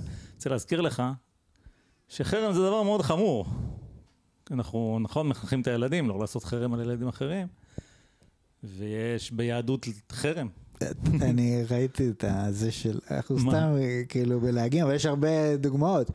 מזכיר לי משהו על אה, אחד הספיישלים של דייב שאפל, הוא דיבר על משהו דומה כזה, תרבות החרם. שהוא מספר על איזשהו ראפר, כן. שאמר באיזו הופעה שלו, לא יודע מה, ירד או לא מוהר, חבל על הזמן, וביטלו אותו. אוקיי. טוב, אוקיי, סבבה. עכשיו, הוא אומר, מה מעניין? שאותו ראפר, בעברו, ירה והרג מישהו אחר. כן. נדמה לי אדם שחור, אם אני זה, זוכר זה נכון. בספיישל האחרון של דייב שאפל, כן, נזכרתי אה, זה בספיישל האחרון? כן. ואז הוא אומר, תראו איך הצליח, כאילו, הקמפיין, כאילו, הלהט"בי נקרא לו, כן? שאם אתה רק, מותר לך להרוג אדם שחור, וזה בסדר, לא יבטלו אותך. אבל אם אתה אומר משהו על להט"בים, יבטלו אותך. כן. שזה מראה לך, כאילו, ש, שדיברנו על זה גם ב, ב, בחלק זה הקודם, בחלק הקודם עם העניין של הסיס. שהקמפיין הזה הוא פשוט נורא נורא נורא מוצלח. איכשהו, באיזשהו אופן, כאילו הם הפכו להיות מאוד מאוד פריבילגיים יחסית לקבוצות אחרות. ולא ברור איך, איך זה קרה. תשמע, גם יש פה איזה אלגוריתם שבטי מאוד מסובך. אלגוריתם שאם היית רואה את הקוד שלו, היית מתאבד. הוא הרג אותו, ואף אחד לא אמר כלום. או, מה זה לא אמר כלום? זאת אומרת, הקריירה שלו לא נפגעה מזה, אבל כמובן שאם הוא היה לבן שהורג בן אדם שחור, זה היה נגמר אחרת. אמרת קודם, כן, בהפוך על הפוך, אמרת קודם ש... מה אמרו החבר'ה אצלך, האמריקאים, על קייל ריטנהאוס, אם הוא היה שחור, היה ככה. כי הם יודעים את האלגוריתם הזה שאני מדבר עליו. זאת אומרת, יש איזה אלגוריתם נורא מסובך שכתוב בו, איף, שחור ולבן ויורה ומת, ומי שיורה זה הוא בצבע הזה והוא בצבע הזה, אז לא. אבל אם, כמו אמנון יצחק, כן, אבל אם הוא גם היה הומוסקסואל, תגידו, יש אלגוריתם מאוד מורכב, וזה בעצם מה שגם הבחורה הזאת עם הטקילה אומרת. אני, האלגוריתם משתנה כל הזמן, אני לא יודעת מה לעשות. אני כל הזמן צריכה לרדוף אחרי החברים שלי ברשתות החברתיות, לראות שאני לא במקרה דורכת פה על איזה בוהן שתתהפך עליי, כן? זה בוהן, אבל זה יהפוך לעקרב ש, שיעקוץ אותי. אה, אז בפודקאסט הזה ש, של ה-cancel culture, אז יש שם עשרות תוכניות, עשרות תוכניות, כל מיני סיפורים. אה, לפעמים הסיפור אתה יודע, אתה לא יודע, זה מילה נגד מילה, אתה לא יודע מה אנשים עשו, מה הם לא עשו. סיפור אחד שאני שמעתי שהוא אחד ההזויים. יש קהילה של סורגים, אנשים סורגים. כל מיני סוודרים וגרביים, אני לא יודע מה. ומסתבר שיש קהילה כזאת, והם כאילו כולם חברים, ועכשיו הם גם כאילו פרוגרסיביים כזה, זה האופנה שם. ויש שם מישהו שהיה די פופולרי, שהכינוי שלו ברשת זה Sockmatician, והוא, כולם נורא אהבו אותו, והוא היה נורא מוצלח. והוא המציא איזה האשטג שנקרא diversknitty. כן, knitty זה לסרוג ו divers זה diverse, איזה יופי. ואז ככה האשטג התגלגל ומאוד הצליח, ובאיזשהו שלב מישהו השתמש באשטג הזה כדי לנגח מישהו אחר, ואז האדון Sockmatician, שכאילו זה האשטג שלו באיזשהו מקום, כתב איזה שיר קטן בחרוזים, שזה לא יפה לעשות ככה עם ה diversknitty, זה לא הייתה הכוונה שלו. זה היה חטאו. הבן אדם הושמד לחלוטין, זאת אומרת, לקחו לו את הפרנסה, העיפו אותו מכל מקום, הוא לא יכול ללכת לאף פסטיבל של האנשים האלה, למכור כאילו את הדברים שלו, החרימו את האתר שלו, הוא רצה, אגב הסיפורים האלה, כל הסיפורים, הרבה סיפורים ששמעתי, ויש את המקרה של אריאל רוניס בארץ, שזה באמת קרה, כולם חושבים על להתאבד כשזה קורה. כאילו כשזה קורה לך, אתה אומר בואנה זהו, כאילו אין לי מה לך לעשות פה יותר, אני אראה לעצמי בראש. רוב האנשים לא עושים את זה, אריאל רוניס כן עשה את זה. בכל מקרה, כן, הוא נכנס למצוקה מאוד גדולה, לקח לו בערך שנתיים להגיע למצב שמישהו בכלל מוכן לדבר איתו. ואני לא רוצה להיכנס לכל הסיפור, סיפור ארוך, מי שרוצה שיגגל ו... וישמע את הפודקאסט הזה ו... וישמע את כל הסיפור. אבל זה מדהים, באמת על, על כלום. אתה, אתה באמת יכול אה, לחטוף מאוד מאוד חזק. זה די מדהים. ואוקיי, דיברנו על הטקילה, ועכשיו הגיע הזמן ככה למנה העיקרית. כי עד 2015 זה היה נחמד, קצת צעקות, קצת הפגנות, עכשיו עולים כיתה. 2016. היה לאורך כל הבחירות תקריות כאלה, אבל אני רוצה להתמקד בתקרית הספציפית הזאת. אז יש בן אדם, אנחנו בעצם דיברנו על השמאל, שמאל, שמאל, הגיע הזמן לדבר קצת על הימין. יש בן אדם שנקרא מלו יונופוליס, שמעת את השם הזה? אתה יודע מי זה? שמעתי, יודע. יודע, אוקיי. רוקסטאר, מה זה? רוקסטאר, מי שלא מכיר את האיש הזה. אז הוא היה, באמת, במהלך שנת 2016 הוא מאוד אה, ככה התפרסם בגלל שהוא היה מחסידי טראמפ המושבעים. אה, הוא הומו, שזה מין קטע כזה, הומו שתומך בטראמפ, אה, והוא בן אדם מגעיל ו- ובלתי נסבל, לדעתי, לטעמי האישי. זאת אומרת, אף פעם לא, לא סבלתי אותו, הוא, אתה רואה עליו שהוא טרול, הוא פשוט טרול. אבל הוא טרול מעולה, זאת אומרת באמת אין טרול כמו מיילו יונופוליס, הוא, הוא מאוד מאוד פרובוקטיבי ומכעיס. והוא ב-2016, מיד אחרי שטראמפ בעצם נבחר, זאת אומרת הוא תמך בו לאורך כל הדרך, ואז טראמפ גם ניצח, ומיילו נתן הופעה ב... באוניברסיטת ויסקונסין במילווקי. אוקיי, והוא איתר איזושהי אה, טרנסית באוניברסיטה הזאת, מישהו הלשין לו, ואנחנו מכירים את הנושא הזה סביב הטרנסים, לאיזה שירותים הם ילכו, מה יהיה, מה לא יהיה, וכולם שם משתגעים מזה בארצות הברית. והוא אה, בעצם חשף את הזהות של הטרנזיט הזאת, הציג תמונה שלה מול הקהל, השפיל אותה ברבים, אה, הוא אמר שהוא היה שוכב איתה, כן, כי זה כאילו קטע, כי הוא הומו והיא נראית כמו גבר, בקיצור זה באמת גועל נפש, התנהגות אה, מזעזעת. הקהל אה, כמובן לא העמיד אותו במקומו, אלא דווקא מאוד נהנה מהבדיחה הזאת. ו... אגב, מסתבר שהטרנסית הזאת היא בעצמה באה לאירוע הזה והייתה בקהל, וטוב, אפשר, אפשר רק לדמיין איך היא הרגישה כשכל הדבר הזה קרה, ואחר כך היא גם כתבה על זה, ו, ומי שרוצה יכול לקרוא. בכל מקרה, תקופה, זמן קצר לאחר מכן, פברואר 2017, מיילו יונופוליס אה, הוזמן על ידי חסידיו לנאום בקמפוס אה, של יוסי ברקלי, כן, אוניברסיטת קליפורניה בברקלי, גם אחת האוניברסיטאות היוקרתיות ביותר בעולם. אז אמרנו, האוניברסיטאות הן שמאלניות, כן? אבל יש כמה רפובליקנים באוניברסיטה, והם בעצם אה, מזמינים אנשים כמו מיילו. עכשיו, היו כל מיני שמועות אה, סביב העניין הזה, שהוא יחשוף כאילו זהויות של מהגרים לא חוקיים, ב... שזה נושא מאוד רגיש בקליפורניה. כל העניין הזה של המהגרים. כאילו זה לא קרה בפועל, אבל uh, יכול להיות, נכון? זאת אומרת, מיילו נתתי בכוונה את הסיפור הזה על הטרנסית כדי להראות כמה הבן אדם הזה מתועב ואין לו שום גבולות. וכשהוא הגיע שם לתת את השטיק שלו, אה, כ-1,500 מפגינים הקיפו את הבניין שבו הוא אה, היה, לא יודע אם הוא היה בפנים, הוא היה צריך לדבר, וניסו למנוע ממנו לדבר. וזרקו דברים, ודפקו על החלונות, וגרמו להרס רב. אה, לפי משטרת הקמפוס, 100, מתוך ה-1,500 האלה, כ-150 גם בעצם ביצעו את הפעולות האלימות האלה שדיברתי עליהן, הציתו שרפות, זרקו מולוטובים, אה, תקפו שוטרים אה, בזיקוקים, שברו חלונות וגם תקפו בני אדם, היו אנשים שחטפו מכות אה, מכל מיני נשקים קרים. הייתה איזה תומכת טראמפ שריססו לה גז פלפל לפרצוף, לא קרה לה כלום מזה, אבל זה נראה לי מאוד מאוד כואב. והיה עוד איזה בן אדם שם עם שלט שחטף מכות וסיים עם פרצוף שכולו דם, ועוד איזה בן אדם שאיבד הכרה מהמכות שהוא חטף. מי זה כל האנשים האלה שנותנים את כל המכות? יש התארגנות של אנרכיסטים שנקראת אנטיפה. אנטיפה זה יעני אנטי פשיסטים, שזה, זה מעניין מבחינת, אה, מבחינת ענייני מרקוזה שהזכרנו.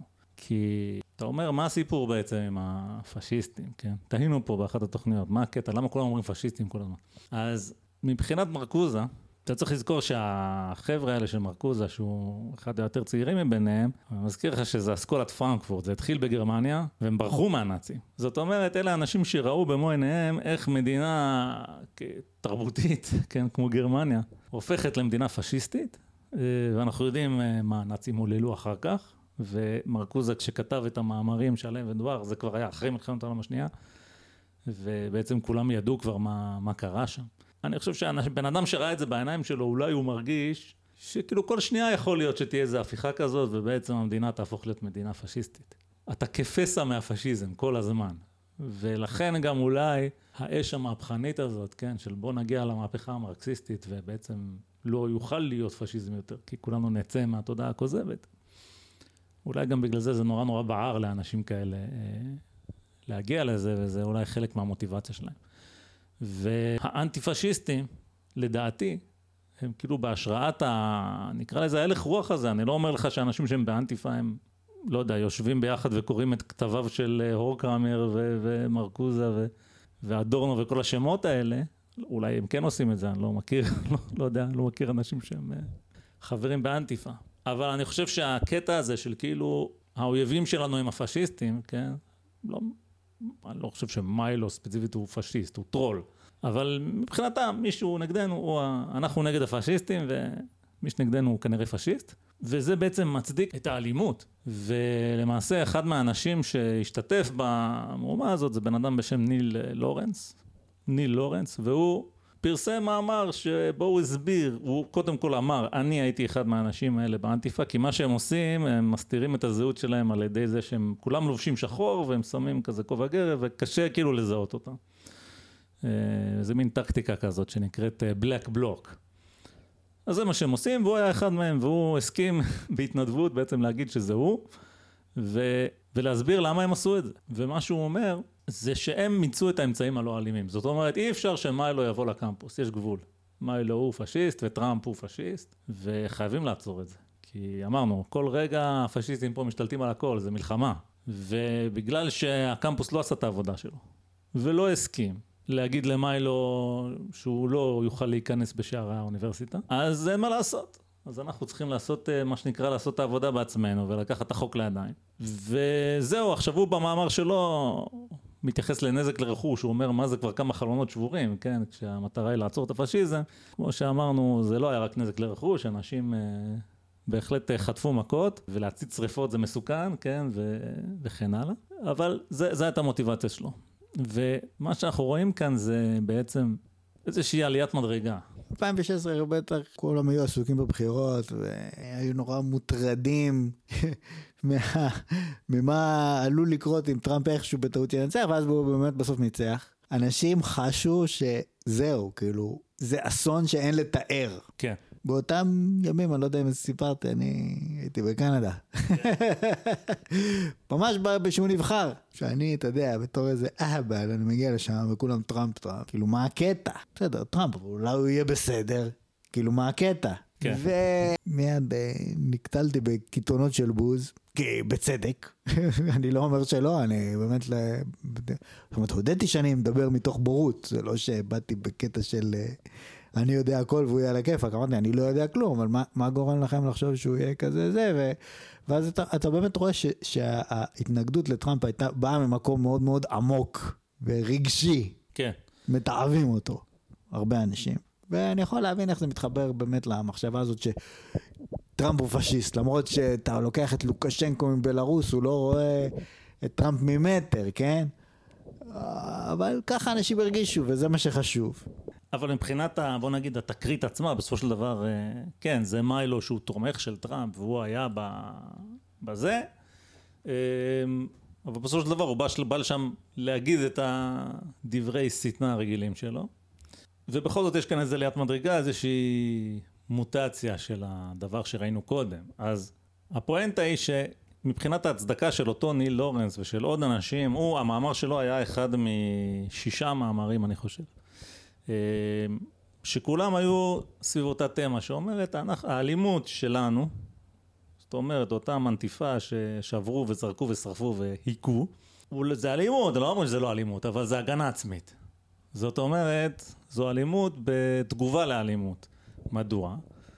כי אמרנו כבר קונספט קריפ. אמרנו זליגת משמעות, אמרנו מיקרו אגרסיות, עכשיו יש גם אולי מקרו אגרסיות. אני מזכיר שהתחלנו את הדיון הזה ב-2015 ב safe space. היה את העניין הזה ש... כן, אני מזכיר את הדיון הזה של באוניברסיטת בראון, באו שתי פמיניסטיות, כן תרבות אונס, לא תרבות אונס, והסטודנטים לא רצו לשמוע את, ה... אה, את, את מקלרוי, כי זה עושה להם harm, כן? ו-they feel unsafe. זאת אומרת, יש פה איזה קונספט קריפ שבו החשיפה ל... במקרה הזה רעיונות מסוימים, במקרה שהם עלו לדיבור מסוים, היא נחשבת אלימות בעצמה. ולכן זה מצדיק את ה...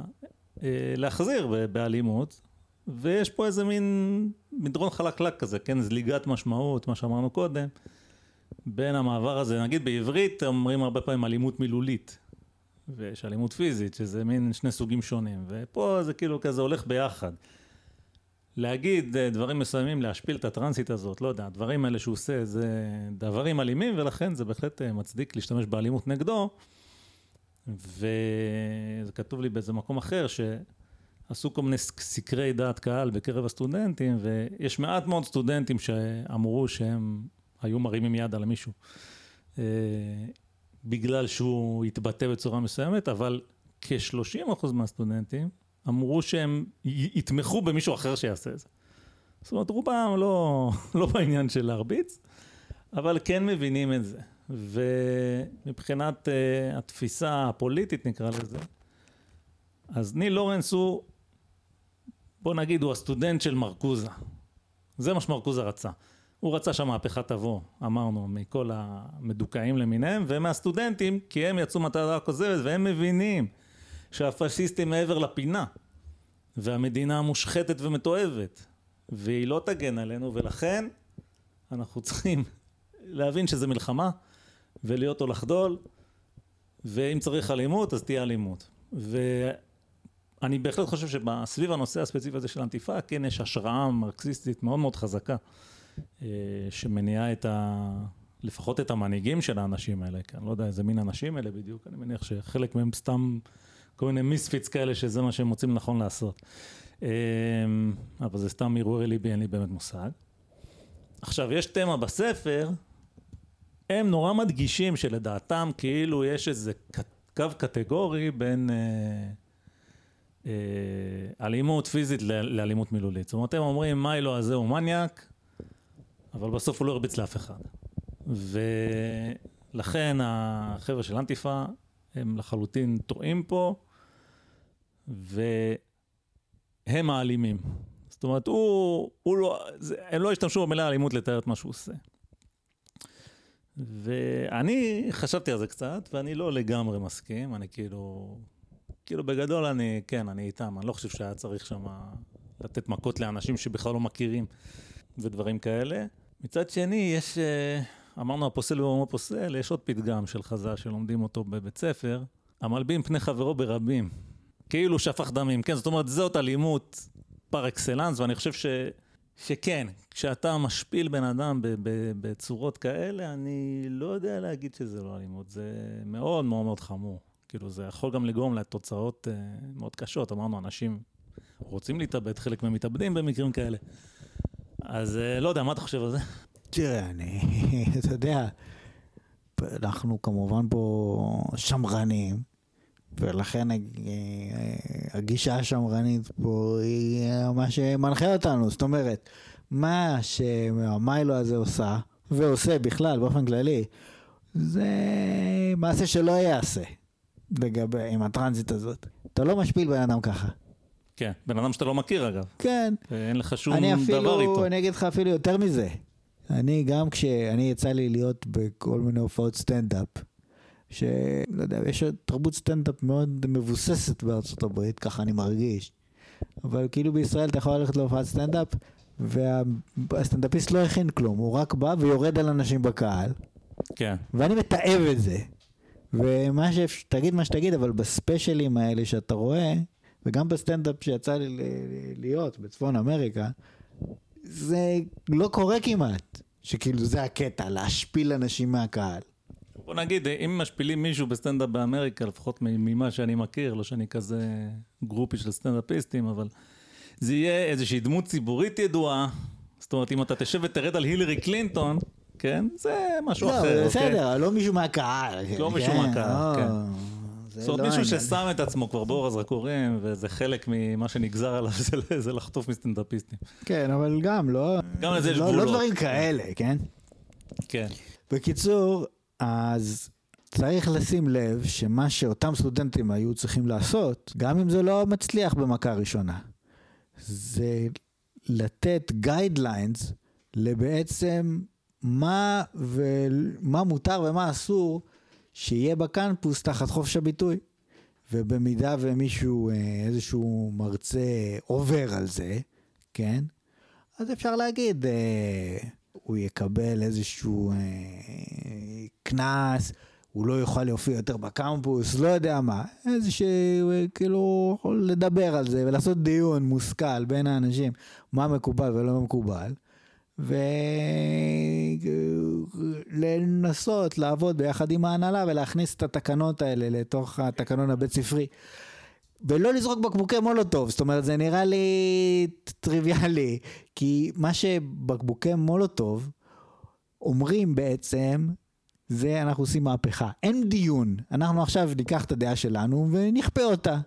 בגישה שלנו בעצם אין, כל העניין הזה של המהפכה הוא ממש מחוץ לסקופ. וגם אם לא היו מצליחים הקם ראשונה, וגם מדברים עם הנהלה והנהלה לא מוכנה, יש הרבה דרכים לפני בקבוקי המולוטוב.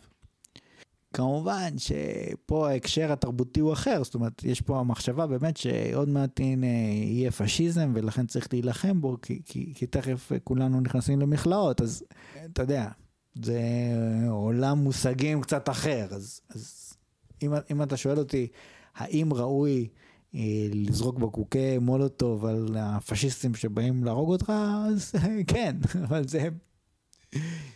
זה, אבל- זה לא אבל המצב, לא כן, האם זה כן. המצב? אז, אז אה, אוקיי, אז בואו נראה. אז אני חושב שאתה צודק, זאת אומרת, כנראה, לדעתי, עזוב את המנהלה של ה... זה גם מתחבר לתמות שדיברנו קודם. עזוב את המנהלה של האוניברסיטה. תלכו לחבר'ה הרפובליקנים האלה מהקמפוס שהזמינו את מיילו, ותגידו להם, תראו, זה מה שמיילו עשה לפני חודש באוניברסיטה במילווקי, והאם האם זה נראה לכם סביר? ואני חושב ש... מה שלא כל כך קורה בקמפוסים האלה, ופחות ופחות קורה בארצות הברית באופן כללי, זה העניין הזה של בכלל מוכנות לדבר עם הצד השני. לא, אני אגיד לך יותר מזה, הם היו יכולים להגיד, בוא נעשה, באותו זמן שמגיע מיילו, נזמין דובר רפובליקני אחר, קונסרבטיבי אחר, ואפשר להציע הצעה שיהיה נגדית. במקביל. אנחנו לא רוצים את מיילו. לא, לא אפילו לא כזה. להגיד כלום, להביא מישהו אחר, ובוא נראה אה, את מי יבואו לשמוע. כן, בהחלט יכול להיות, וטוב, תכף נדבר על, על מרצים אחרים מה- מהימין שהם לא אה, זבל אנושי כמו, כמו מיילו יונופוליס, כן? אה, אבל, מה כן קורה פה, אני חושב? אז אמרנו, בגלל המנטליות הזאת, שהיא, אתה מראש מגיע, אני חושב שהרעיון של המיקרואגרסיות הוא חשוב, כי הוא, הוא מעודד אותך באמת כל היום להתעסק באיך פוגעים בך ואיך רעים אליך, ואני חושב שזה מוביל אותך יותר בקלות למקום שאתה, אתה אומר, מה יש לי לפתוח דיון? כאילו, האנשים האלה כל הזמן פוגעים בי, ואני מיואש מהם. כן, זה בעצם ייאוש, אני, אין לי מה לדבר איתם. הדבר היחיד שאני יכול לעשות זה לפנות למבוגר האחראי, לאוטוריטה, שהיא תעזור לי, ואם האוטוריטה לא הסכימה, אז אני אהיה האוטוריטה, ואני אשים את ה... כן, את הכובע גרב, ואני אבוא ואני אשבור את- העצמות לאיזה מישהו ש... שבמקרה אני אתקל בו. ו... יש סיפור אה, אחר, אני, של התקלות בין תומכי טראמפ ל-BLM, תומכי טראמפ שם על הבמה, והמנהיג שלהם מזמין, מ- לא יודע מה קורה, פגע בו איזה ברק, והוא מזמין את החבר'ה של ה-BLM לעלות לבמה ולהגיד מה, מה שיש להם להגיד. וזה נגמר בצורה חיובית, כאילו כולם דיברו עם כולם, הם לא הסכימו על כלום, וכמובן שהם לא נהיו חברים, אבל זה לא משנה, זאת אומרת, זה לא נגמר ב- במכות. ראיתי את היוטיוב הזה. ראית את זה? אז כן, אז כאילו אפשר גם אחרת. ו, וזה כבר, אנחנו מדברים על אירוע שהוא הוא קרה יותר מאוחר ובשלב יותר חמור ב- באסקלציה ש, שעוברת על אמריקה כל התקופה הזאת. אה, אבל אני חושב שאתה יותר מדי, יותר מדי מהר הם הגיעו קצת למקום הזה שבעצם אין אמונה בצד השני בכלל, ו, ואז אתה לא, אתה לא הולך לשם בכלל. מעבר לזה, בוא נזכור שעם הזליגת משמעות והמונחים החדשים שבהם דיבור עובר לאלימות די מהר, זאת אומרת, אנשים חושבים שמילים זה אלימות, ואמרתי, אני לא לגמרי לא מסכים עם זה, כי אני חושב שבאמת זה היה מעשה אלים מצד מיילו, כן?